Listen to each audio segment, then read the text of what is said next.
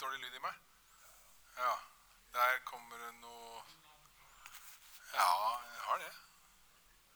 Da prøver vi litt sånn Hallo.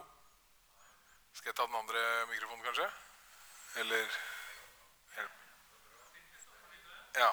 Men da tar vi Da, da gjør vi det enkelt.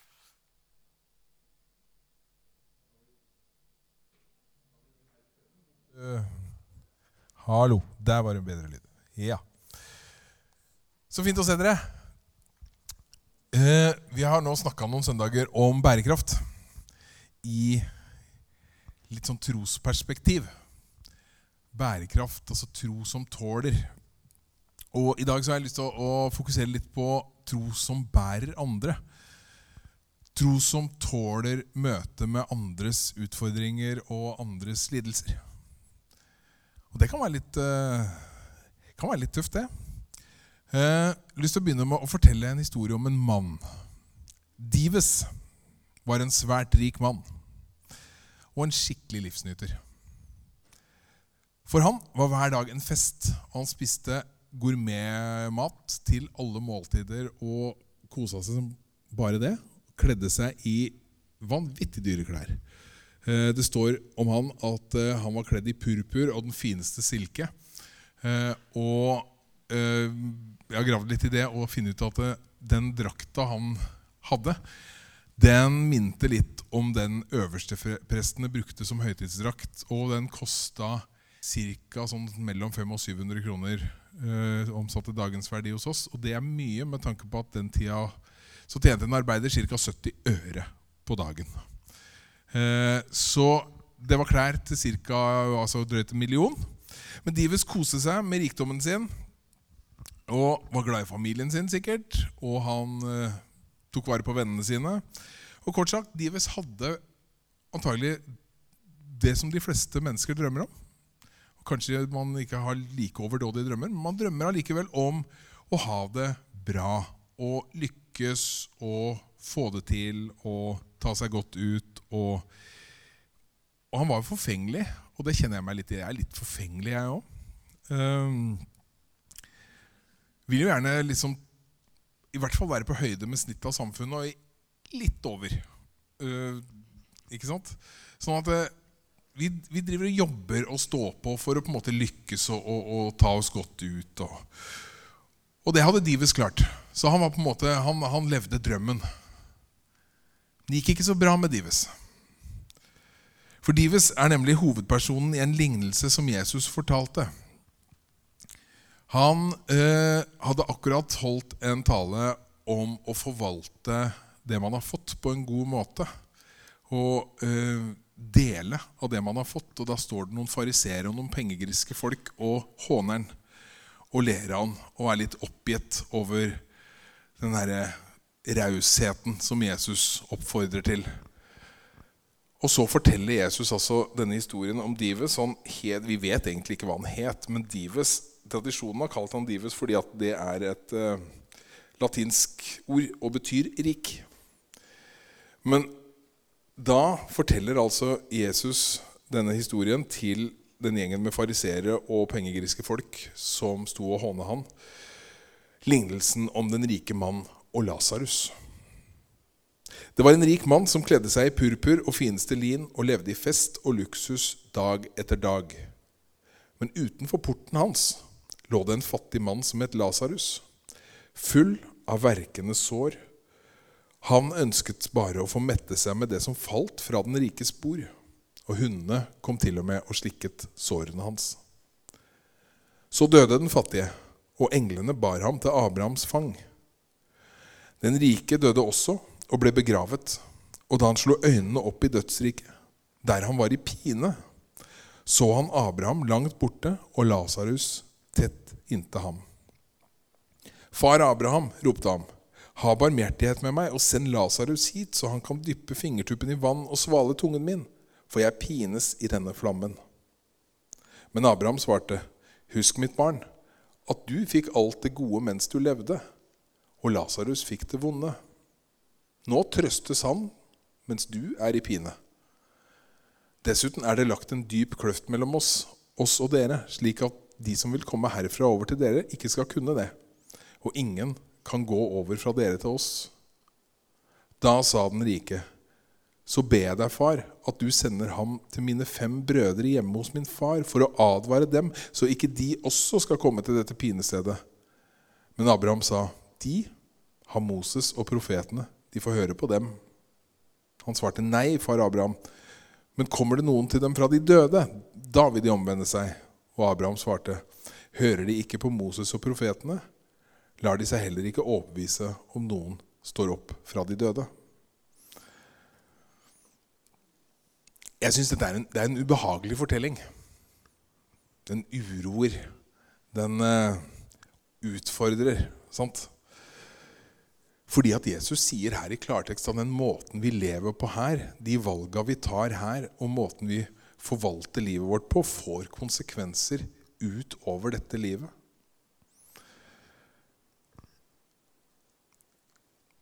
Den legger også et ansvar på meg og på oss om å velge rett.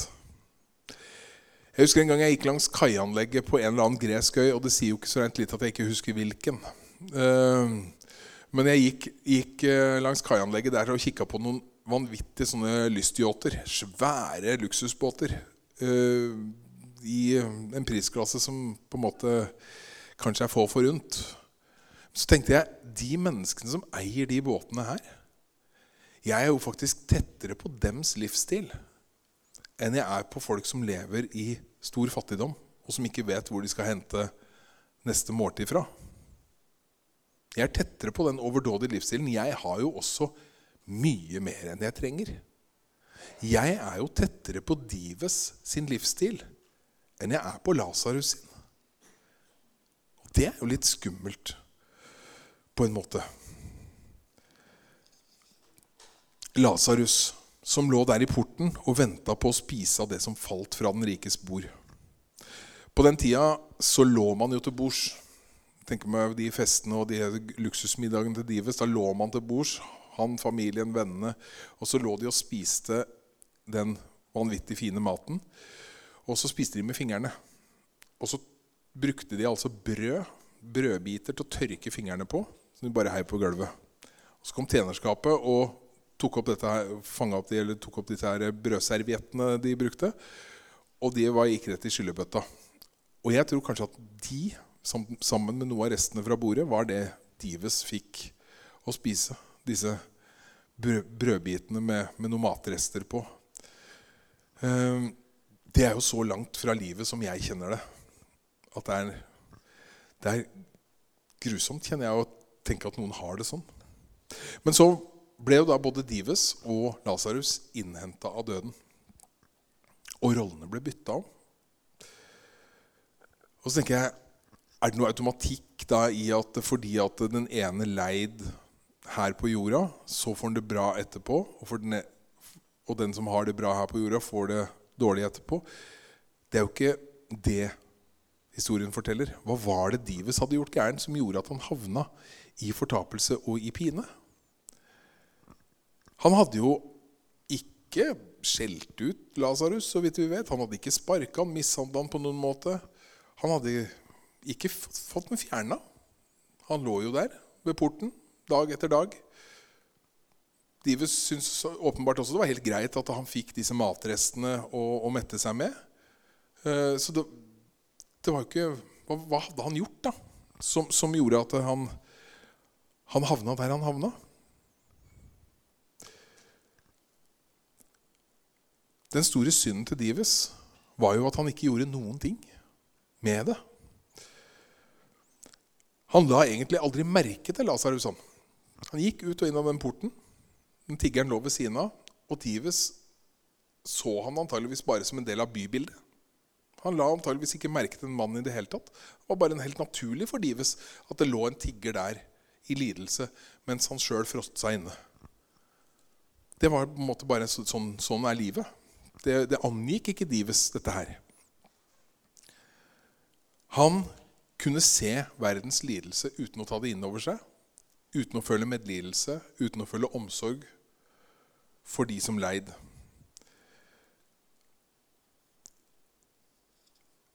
Jeg tror Dives regna seg som en del av Guds folk.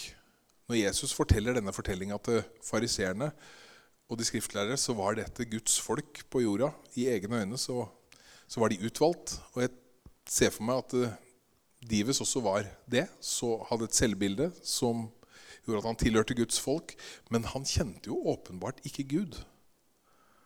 Han visste ikke noe om Guds hjerte for mennesker som lider. Han visste ikke noe om det å ofre noe for mennesker som ikke har det så godt. Hva så med Lasarus? Ble han frelst fordi at han levde et vanskelig liv her på jorda? Det vet vi jo for så vidt ikke noe om, det men det interessante her er navnet. Det er lett å koble det til denne vennen til Jesus som Jesus vekte opp fra de døde. Men det er ikke sikkert at det har noe med han å gjøre. Men sjølve navnet Lasarus dette er eneste gangen i noen lignelse Jesus forteller i Gamle Testamentet hvor Jesus bruker et navn. Og det er jo interessant, for det navnet har en betydning. Lasarus er en eh, gresk vri på det hebraiske navnet El-Asar, eller Elieser, som det står i norske oversettelser. Og det betyr 'Gud er min hjelp'. Så kan det godt hende Jesus vil fortelle disse fariseerne han står og snakker med, at denne mannen som ligger der, han var, uh, satte sin lit til Gud. Han trodde at Gud ville komme ham til unnsetning. Før eller siden. Og i dette tilfellet her så ble det kanskje mer siden enn før. Men han satte sin lit til Gud. Han trodde Gud. Og Gud svikta ikke. Det gjorde derimot denne rike mannen. Her hadde Gud lagt denne tiggeren på dørstokken til denne rike mannen av en muligens av en grunn. For det står i Efeserne 2,10, kjent vers, der står det For vi er Hans verk, skapt i Kristus Jesus, til gode gjerninger som Gud på forhånd har lagt ferdige for at vi skal vandre i dem. Her har Gud altså lagt en fiks, ferdig, god gjerning rett utafor porten til denne rike mannen. Og han går forbi hver eneste dag og skjønner ikke det. Han ser ikke sin rolle i det her. Og selv i dødsriket, og det er jo ganske spesielt, selv i dødsriket så fortsetter han sin selvopptatte livsstil. Verdt å merke seg. Når han ligger der, hvem er det han har blikk for? Hvem er det han har, hvem er det han har tanke for? Jo, det er seg. Send, roper til Abraham, send denne Lasarus over til meg, så han kan svale tunga mi så han kan tjene meg her jeg sitter og lider. Fortsatt så har ikke Divus forstått. Og han får nei på dette her fordi det er umulig. Og det er mye som kan sies uh, om dybdene i det Jesus sier her. Uh, om at det er en uoverstigelig kløft uh, mellom, mellom Abraham og Lasarus og den rike mannen det får konsekvenser, det valget den rike mannen har gjort. Jeg vet ikke hva som ville ha skjedd hvis denne mannen hadde innsett sin synd, innsett sitt ansvar når han var der. Om det da hadde vært en vei ut av det, det vet ikke jeg. Men han gjør ikke det. Han fortsetter å tenke at han skal ha privilegier på bekostning av denne fattige mannen selv etter døden. Og når han innser at han ikke får det, så vil han i hvert fall at sin familie skal få det privilegiet. Han vil da at Lasarus skal komme og på en måte advare familien. Fordi de vil ikke tro med mindre de får se et vaskeekte mirakel. Og så svarer Abraham de har Moses, de har profetene. De får høre på dem. Oversatt til vår tid de har Guds ord. De har svaret hos seg. De får søke der. Dives tror ikke at det vil hjelpe. Han tror at det, Og i Dives verden, hvor penger og makt er det som rår, hvor du er vant til å på en måte ha kontroll og innflytelse på alt som skjer rundt deg, så kan det jo virke som at du også tenker at det, det er best Gud gjør som jeg sier. Jeg har løsningen, jeg har svaret. Så det beste, Jeg kjenner brødrene mine godt. så Det beste vil være om, om, om de får se et menneske vende tilbake fra døden. Da vil de tro. Gud har prøvd det.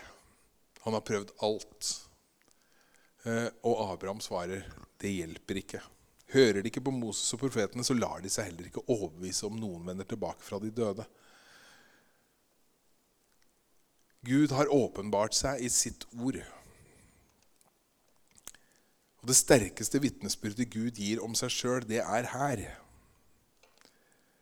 Det står det at for Guds ord er levende. Og det er virkekraftig og trenger gjennom og sterkere enn noe tvegsverg. Og det trenger gjennom og kløver sjel og ånd, marg og bein, og dømmer hjertets tanker. Ingen skapning er skjult for Han. Alt ligger åpent og nakent for øynene på Ham som vi skal stå til regnskap for. Så hvis vi vil kjenne Gud og Hans vilje med vårt liv, så må vi søke i Guds ord. Og Abraham, i samtalen med den rike mannen, viser til Moses og profeten. Og vi som sitter her, vi har mer enn det. Og Det er jo helt fantastisk, fordi at vi har også evangeliene. Vi har også vitnesbyrd om når Gud ble menneske og gikk foran oss som det beste eksempelet vi kan ha for hvordan livet skal leves. Og ikke nok med det, som de sier i salgsbransjen. Eh, vi har også Den hellige ånd. Gud har flytta inn og forandrer oss innenfra ved Den hellige ånd. Og I Guds ord så finner vi altså mange motfortellinger hvis man kan kalle det det, til denne historien om den rike mannen og Lasarus. En av de motfortellingene er jo f.eks. historien om Sakkeus, som også var en rik mann som også var et stort ego, og som også eh, utnytta mennesker rundt seg. Men som var nysgjerrig på Jesus, og som Jesus plukka ned av et tre og inviterte seg sjøl hjem til. Og Sakkeus gjorde noe den rike mannen i fortellinga ikke gjorde. Han åpna opp og slapp Jesus til i livet, og så skjer det noe dramatisk i Sakkeus sitt liv. Fra å være ego, fra å søke sitt eget, fra å søke rikdom og prøve å leve litt bedre enn snittet av resten av samfunnet, og kanskje mye bedre, så ble det plutselig helt andre ting som telte. Har jeg lurt penger av noen, så skal de få dobbelt tilbake. Og halvparten av alt jeg eier, vil jeg gi til de fattige.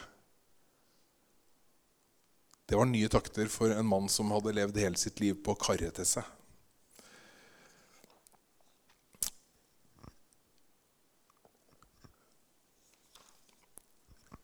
Men så er det sånn at eh, jeg kjenner jo de motforestillingene. Vi kjenner de motfortellingene. De som viser hvordan vi skal leve, hvordan Gud vil at vi skal skikke oss, hvordan vi skal forvalte, og hvordan, eh, hvordan eh, Mm. han, han har satt i stand. Jeg vet jo hva Gud vil. Jeg vet at Gud vil at jeg skal ha omsorg for andre osv. Jeg vet hva som er rett. Og jeg er ikke uberørt av lidelse, heldigvis for det. Men likevel så ødelegger jeg liksom den fortellinga om den barmhjertige samaritan stadig vekk. Føler jeg i hvert fall sjøl. Jeg går forbi, jeg òg til tross for at jeg vet hva som er rett. Jeg kjenner jo at jeg blir fanga av mitt eget ve og vel. Har nok med mitt eget hus, min egen platting, eh, oppussing av vaskerommet. Blir fanga av min egen familie og egne venner og har nok med, nok med det nære. Jeg går jo stadig forbi denne tiggeren i porten. Sjøl troa mi hender det at jeg ikke er frimodig å dele med meg holder den privat innafor familien, innafor menigheten. Fordi det er mange grunner til ikke å handle. Noen av de er kanskje til og med gode, men de fleste er kanskje ikke det. Men hvor skal jeg begynne? Og det er kanskje det vanskeligste for, for en idealist. Hvor skal man begynne? Fordi at hver eneste dag så får vi altså hele verdens elendighet og skyld og synd og skam inn over inn i fanget via altså ulike medier. Hvor langt strekker mitt ansvar seg? Hvem skal jeg ta ansvar for? Og det interessante med denne historien her er at Gud forlangte ikke at denne rike mannen skulle, ta, skulle utrydde verdens fattigdom. Skulle lindre all verdens nød. Han ville bare at han skulle ta seg av den ene fattige tiggeren som lå utafor hans port. Når Jesus gir det dobbelt kjærlighetsbudet, du skal elske Herren din Gud av hele ditt hjerte, av hele din sjel og all din forstand, og du skal elske din neste som deg selv, så får han altså spørsmålet 'Hvem er min neste?' Eh, og da skjer altså dette møtet mellom denne samaritaneren og denne mannen som er slått halvt i hjel og ligger langs veien. To mann har gått forbi før, en prest og en levitt, akkurat som denne rike mannen i fortellinga. De gikk forbi. Hadde nok med sitt eget. Men det neste, din neste, min neste, er et menneske som allerede er langs veien vår. Et menneske vi allerede kommer i kontakt med. Kanskje noen vi allerede kjenner. Den tiggeren er jo ikke fremmed. Ligger jo rett foran beina våre. Ikke vet jeg, men det skulle ikke forundre meg om de fleste av oss her har noen vi tenker på som ligger på hjertet vårt, og som vi vet at kunne trenge oss. Som kunne trenge en god gjerning. Og kanskje nettopp de er denne gode gjerninga som Gud på forhånd har lagt i vår vei for at vi skulle vandre inn i den. Og så er det så mange grunner til å ikke gjøre det. Det kan være frykt for å blande seg. Det kan være mangel på krefter. Det kan være en veldig typisk unnskyldning. Jeg har rett og slett for mange forpliktelser. Jeg er for travel. Jeg har ikke tid. For da er det andre som må vike hvis jeg skal ta meg av denne. Og det kan være mangel på selvtillit i møte med andres lidelser og andres behov. Mange grunner. Men så er det bare det, da. At det er ikke selvtillit å tro på seg sjøl som teller her. Tro som bærer andre, tro som tåler møtet med andres lidelse, kommer ikke fra å ta seg sammen. Så kommer det altså ikke an på den som vil, eller den som anstrenger seg, men på Gud, som viser miskunn. Så det er ikke oss det kommer an på. Det vi må gjøre, er å gjøre som Sakkeus, og ikke som den rike mannen i fortellingen. Vi må slippe til Jesus i livet. For det er bare han som kan skape noe nytt. Vi kan sikkert hjelpe til og vi kan sikkert lindre, men vi kan ikke skape noe nytt i et annet menneskes liv. Det er det bare Gud som kan. Men han kan gjøre det gjennom oss. Gjennom de gode gjerningene han har lagt foran oss. Og det kan virke skummelt. En uh, fortelling som David Wilkerson Dere kjenner kanskje han, mange av dere. En amerikansk pastor som starta evangelisering blant gjengmiljøer på slutten av 50- og 60-tallet. Sånn, han ble bedt om å møte en gjengleder i et mørkt smug i New York eh, i, tidlig i den tjenesten sin. og det var skummelt. Og det var skummelt. Det var farlig, rett og slett. Han var i et farlig område blant farlige mennesker. Så han kvidde seg jo veldig for å gå inn i dette smuget og møte denne gjenglederen. Men han setter seg i bilen sammen med en medarbeider og ber. Og så kjenner han at han får kraft, og at 'dette skal jeg gjøre'. Dette er min gjerning. Dette ligger i min vei. Så han går inn, møter en gjengleder som sitter på en trapp inne i det smuget og strigråter, og er klar til å ta imot Jesus. Og David Wilkerson tenker jeg kom ikke hit først. Jesus var her før meg. Så både går Jesus foran oss og legger veien klar, og han går sammen med oss inn i de gode gjerningene. Så vi går ikke aleine i dette her. Og hvis vi virkelig tror, hvis vår tro er at Gud har skapt universet, at han har krefter til det, og at han er universets herre, Og hvis vi tror at han elsker mennesker så høyt at han sendte sin egen sønn til jorda for å dø for vår skyld og for menneskenes skyld, og at han faktisk har, har så stor kraft at han vant over døden At den Gud går sammen med oss inn i de gode gjerningene, da er det jo ikke oss det kommer an på. Da kan vi ha tro, da. Tillit til at Gud bærer oss. For Gud har ikke bare omsorg for de som han sender oss til å hjelpe. Han har jo like stor omsorg for hver og en av oss. Sant? Så han bærer oss og hjelper oss til å bære andre og hverandre. Og så trenger vi ikke da å tenke at vi skal redde hele verden på en gang. Kom til å tenke på en, en uh, liten scene fra Jeg vet ikke om dere har sett en film som heter War Room handler om, uh, handler om en gammel dame som skal selge huset sitt. Og så uh, hyrer hun inn en eiendomsmegler, en ung, stressa, fortvila dame på randen av skilsmisse og midt i en livskrise.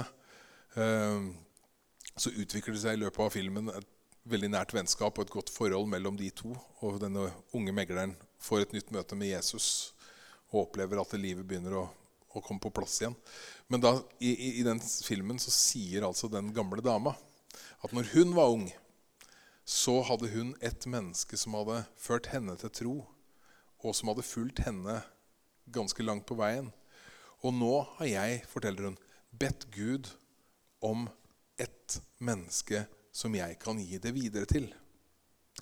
Ett menneske.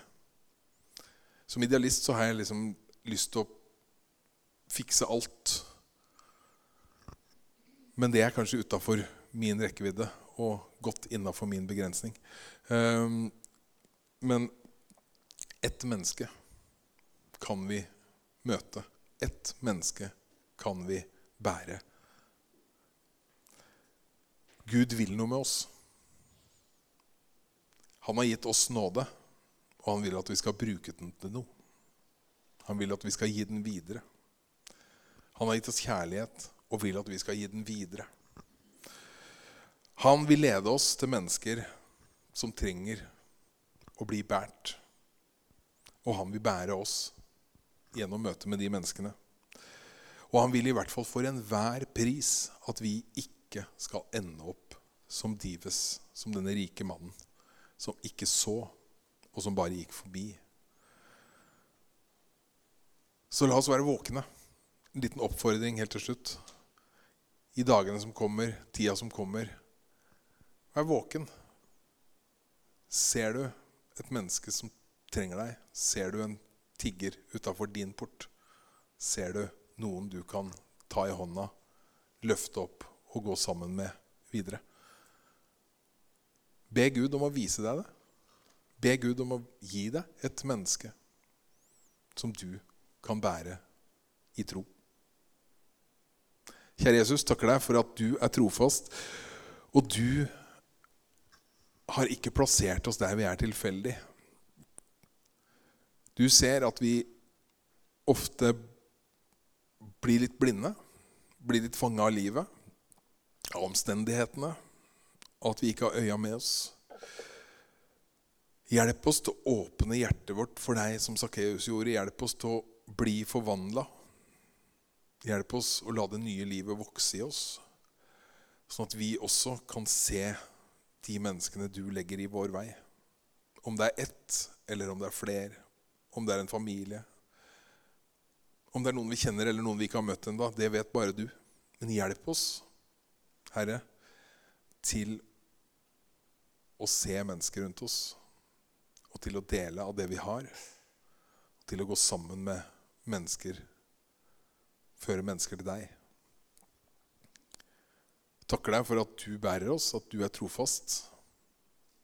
Du som har kalt oss, vil også fullføre det gjennom oss. Hjelp, øk troa vår, Jesus. Hjelp oss til å ha enda mer tillit til deg. Våge å gå der du kaller. Jesu navn. Amen.